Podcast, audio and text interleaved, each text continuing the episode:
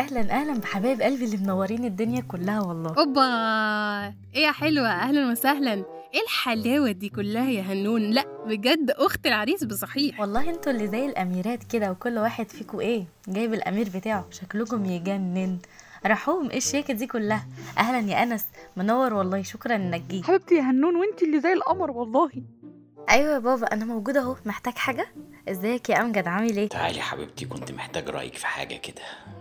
دلوقتي دكتور أمجد جاي ويطالب إيدك مني فقلت لازم أخد رأيك الأول ولا إيه؟ يعني اللي تشوفه حضرتك يا بابا. بصي أنا مش هضحك عليكي. أمجد كان مكان أحمد أخوكي. من بدري فحاسس كده إن الموضوع مفتوح قبل كده ولا إيه؟ ابدا والله يا أستاذ عبد الرحمن. أنا وأحمد بقينا أصحاب الفترة الأخيرة وأنا كنت ناوي أتقدم من بدري بس كنت عارف إن هنا مشغوله في كذا حاجة فحبيت إن الدنيا تروق الأول بعد كده أتكلم وبصراحة ما لقيتش مناسبة أحسن من دي. بس لو في قبول في الموضوع هجيب أهلي ونيجي في أقرب وقت. ونعم التصرف. وبعدين ما الجواب يبان من عنوانه. خلاص نخلص الفرح على خير وتنورونا في أي وقت. أستأذنكم أنا بقى. يا سلام بقى. إيه جو المفاجآت ده بقى؟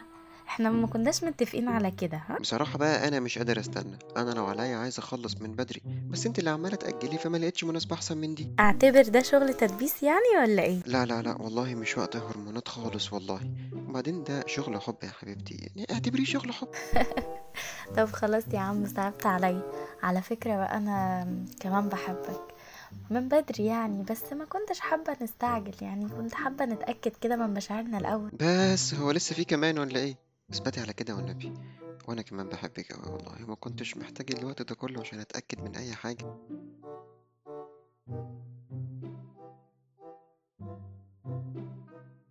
عارف أنا مبسوطة جدا وبقالي وقت كبير بقيت أحسن كمان. حاسة كده إن ربنا غرقني مرة واحدة كده بكرمه وكان فعلا هو ده عوضه ليا بعد كل اللي حصل عايزة أشكرك قوي يا شريف على كل اللي عملته معايا. حقيقي شكرا إنك موجود معايا دلوقتي ومشاركني كل المشاعر الحلوة دي. أنا فعلا من غيرك أصلا ما كنتش هبقى كده. كل الكلام ده كتير عليا. أنا بس كفاية عليا اني شايفك مبسوطة كده. ده راضى عندي كل حاجة ممكن أكون بتمناها. أنت كنت بالنسبة لي رهن وكسبته من أول ما قلبي وقع فيكي. فأنا اللي شكرا.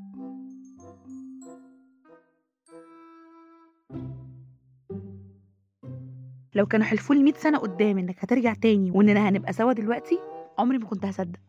لما جيت زمان والموضوع انتهى من قبل ما يبدأ ما كانش في أي حاجة في دماغي عارفة أترجمها صح. سبحان الله. كان في حاجة كده مستخبية جوايا بتقول إنك هترجع بس عمري ما صدقتها. أنا أيوة مشيت وبإرادتي وبقراري لكن أنا عملت كده لأسباب كتير. بعيد عنك أنتي لأن أنتي السبب الوحيد اللي كان مصعب عليا قرار الانسحاب. موضوعك في الأول كان إجبار وإلزام عليا لكن أنا دلوقتي جايلك وبكل حب متأكد إنك انتي نصيبي الحلو بعد كل الحروب اللي دخلت فيها بسبب ومن غير سبب. انتي يا رحمة كنت دايما الحاجة المنورة البعيد اللي كنت بصبر نفسي بيها وبقول بعد كل ده أنت هتروح لرحمة وتبقى فعلا رحمة ربنا بيك بعد كل ده.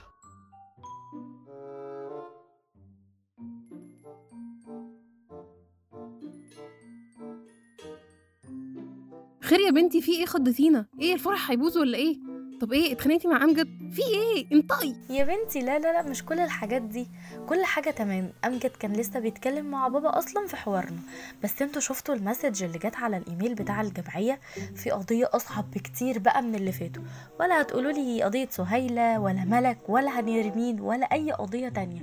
القضية دي هتنقل الجمعية لحتة تانية خالص. الله أكبر. وإحنا لسه لحقنا نشم نفسنا؟ ده لسه فرحتنا بفوز الجمعية ما تهنناش عليها. يلا بس كده نخلص الفرح وبعد كده نشوف حوار القضية ده. استعنا على الشقة بالله.